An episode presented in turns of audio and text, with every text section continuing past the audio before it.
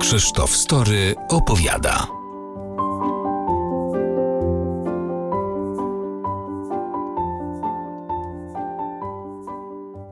Wesela były w stodołach, dzieci straszyło się przypomnicami, a chleb pachniał inaczej niż dziś. To są moje czasy. To słowa Heleny z Łowicza, bohaterki projektu za drzwiami. Dzień dobry, nazywam się Krzysztof Story i witam Was w kolejnym odcinku podcastu o Polakach, o zwykłych ludziach z zaprzypadkowych drzwi, o ludziach, którzy nigdy wcześniej nie udzielali wywiadu. To dziesiątki bohaterów, rozmów i historii, wszystkie spod jednego adresu.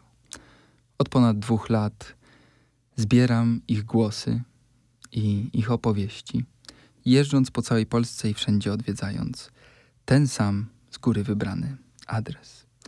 W Łowiczu spotkałem Helenę. Jej historia to jest historia jak obraz. To jest historia, w którą możemy wejść i na chwilę, choćby tylko na jedną scenę, poczuć się jak drugi człowiek. Jest to historia tak spójna i tak obrazowa, że zdecydowałem się przedstawić Wam ją jako monolog. Wszystko, co teraz usłyszycie, mówi Helena. Helena Złowicza. Urodziłam się w roku 1954 w Różycach, niedaleko stąd. Łowicz jest 20 minut drogi od Różyc. Na imię dali mi Helena, choć wszyscy mówili na mnie Halina. Ta Helena chyba wydawała im się po prostu zbyt wyszukana. Nie pamiętam. Pierwsze co pamiętam to dom rodzinny. Drewniana chałupa była kryta strzechą, a ściany wymalowano na niebiesko. Podłoga była tylko w jednej izbie. Wszyscy tam spaliśmy. Wszyscy, czyli ja z bratem, rodzice i dziadek. Pierwsze skojarzenie z domem? Zapach chleba. Mama wyrabiała wielkie, okrągłe bochny. Wyrastały w takich specjalnych donicach. Potem dawało się je na drewnianą łopatę i do pieca. Cały dom od tego pachniał, aż ślinka wszystkim ciekła. I suche kiełbasy, wiejskie. Jak się je łamało, to jakbyś z pistoletu strzelał. Taki był trzask. Tak, wieś zawsze lubiła dobrze zjeść. Jak podrosłam, dużo pomagałam rodzicom. Jak miałam siedem lat, już pasałam krowy. Mieliśmy dwie. Chodziłam z nimi na miedzę i musiałam pilnować, żeby jadły tylko ze środka drogi, a nie z pola. Do końca życia tego nie zapomnę. Miałam te dwie krowy na krótkim łańcuchu. Jedna przede mną, druga za mną. One były dwa razy większe ode mnie, a ścieżka na miedzy wąska. W ręce trzymałam katechizm i uczyłam się do pierwszej komunii. Między tymi krowami dziennie musiałam zawsze przyswoić pięć pytań każdego dnia. Potrafiłam też oczywiście kombinować, bo nie lubiłam tych krów okropnie. Jak nikt nie patrzył, to biegłam w środek pola i rwałam liście buraków. Daję jednej i drugiej i mówię: Jedz szybciej, Janie, się na mnie patrzysz. Jedz, małpobo, dziadek weźmie laskę i będzie boki obstukiwał. Sprawdzał, czy najedzona jesteś. I faktycznie, dziadek brał laskę, obstukiwał boki i sprawdzał, czy krowy najedzone. Ale miałam dużo obowiązków. Koleżanki biegały po drzewach, grały w piłkę, a ja, jak nie masło zrobić, to wody ze studni nabrać albo liście przynieść. Nie miałam beztroskiego dzieciństwa. O, zobacz, tu mam zdjęcia, jak karmię kury. Miałam 18 lat. Chłopcy? Hm. Jak skończyłam ósmą klasę, mama oświadczyła, że pora iść na sumę do kościoła. Msza o dwunastej to była u nas duża rzecz. W ławach siedziały same panny z matkami. Chłopaki zawsze stały po kaplicach. Każda wioska miała własną kaplicę. W jednej lipniczaki, w drugiej kocierzewskie. Chłopaki niby do kościoła poszli, ale niby słuchają kazania, ale na księdza ani spojrzą. Tylko się po pannach rozglądają, która im w oko wpadnie. Ja stałam tam i czułam te spojrzenia na plecach, aż mi nieprzyjemnie było. No i już wieczorem zajechał pod dom motor. Motor w tej opowieści, opowieści Heleny, to ważny punkt zwrotny. To przeskok między panieństwem a dorosłością. Wracamy do monologu bohaterki Słowicza. Tym razem o motorze. Pierwszy motor przyjechał pod dom, jak miałam 15 lat. Zawstydzona byłam. Nieśmiała dziewuszka, gdzie mi tam do chłopców. A ten motor przywiózł przecież chłopca, Staszka z Lipnic. Umówił się ze mną na jedną, drugą randkę.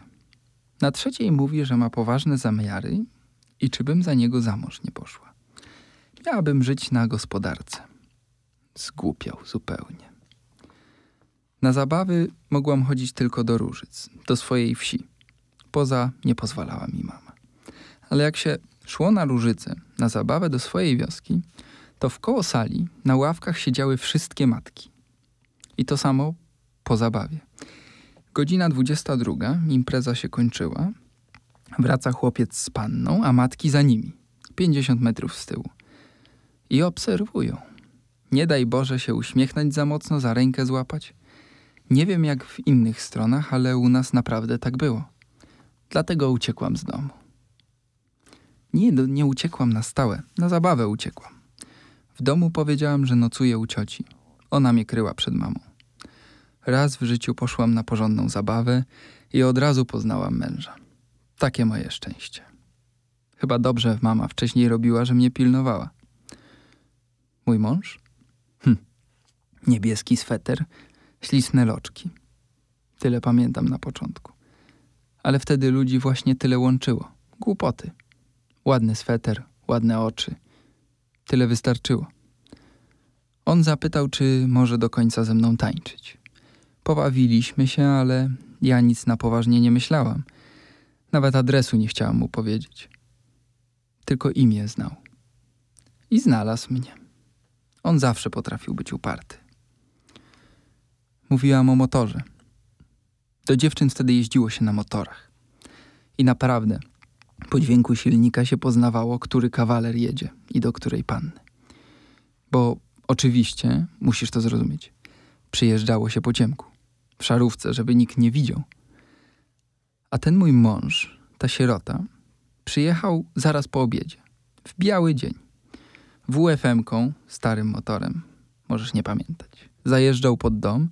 Ojciec woła, że to do mnie, a ja cała czerwona ze wstydu. On sobie stoi zadowolony, a sąsiadki wszystkie powychylane z okien. Mało karku nie skręcą. Kto to widział przyjeżdżać na randki w biały dzień? A mi się wcale do chłopaków nie spieszyło. Młoda byłam, życia zaznać chciałam. Uczyłam się zawodu kaletnika. On za to chciał chodzić na poważnie. Ze mną, z taką dziewuszką. Przecież ja nic świata nie widziałam. Jak pojechałam na egzamin mistrzowski kaletniczy do Łodzi, to pierwszy raz dostałam maszynę do przycia na prąd. Godzinę przed egzaminą się z nią męczyłam, żeby wyczuć, bo to zupełnie inaczej niż maszyna na pedał.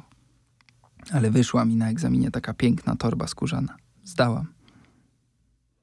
Mąż był uparty, nieustępliwy.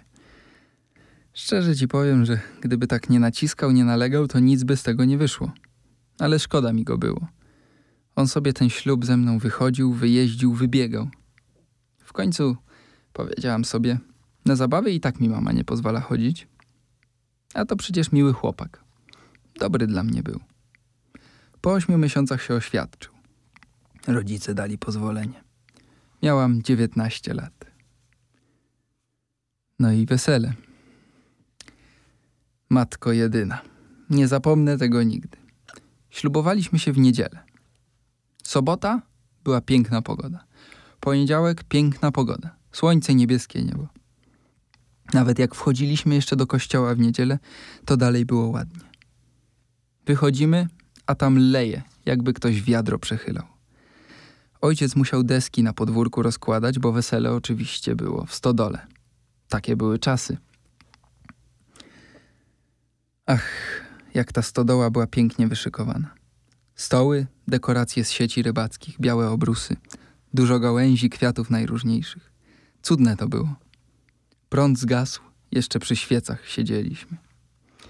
Tylko tańce trzeba było przenieść gdzie indziej, bo podest na orkiestry był na dworze, cały zalało. No i przenieśliśmy. W dzień swojego ślubu musiałem jeszcze posprzątać remizę strażacką. A, jeszcze posag. Posag. Zawsze musiała być w posagu pierzyna. Po co te cholerne pierzyny? Ja wolałabym stół, kredens jakiś. Przecież wyspać się można było pod kocem, ale nie. Musi być pierzyna. Taka była tradycja. I poducha, koniecznie. Więc na te pierzyny, na te poduchy darłyśmy te ciortelne pierze cały tydzień. Biało w domu było. A spać i tak się pod tym nie dało, bo przecież za ciepło. No ale tak to zawsze było. Zawsze było coś na tej wsi do zrobienia. Zawsze scalał ludzi jakiś problem. Zawsze jakaś bieda nas łączyła. Co jeszcze miałem w posagu? Narzuta na pewno, serwetki haftowane, obrazek Matki Boskiej, no i skrzynie. Dobrze, że nie szłam na gospodarkę, bo wtedy to jeszcze trzeba by było świnie i owce do transakcji dorzucać. Za koleżanką moją z domu poszły trzy krowy, dwie owce i dwa prosiaki. Ja nie szłam na gospodarkę i cieszyłam się z tego. Ja bym nie chciała, żeby ojciec się za mnie świnią wykupywał, ale tak było na wiosce.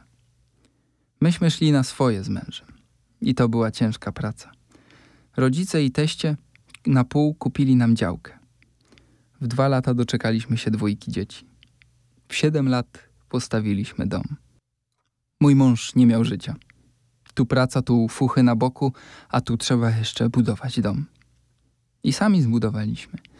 Głównie on, ale ja też pomagałam. Ja nie wiem do dzisiaj, skąd on miał tyle sił. Skąd on to wszystko umiał? Przecież nie zna się na budowlance.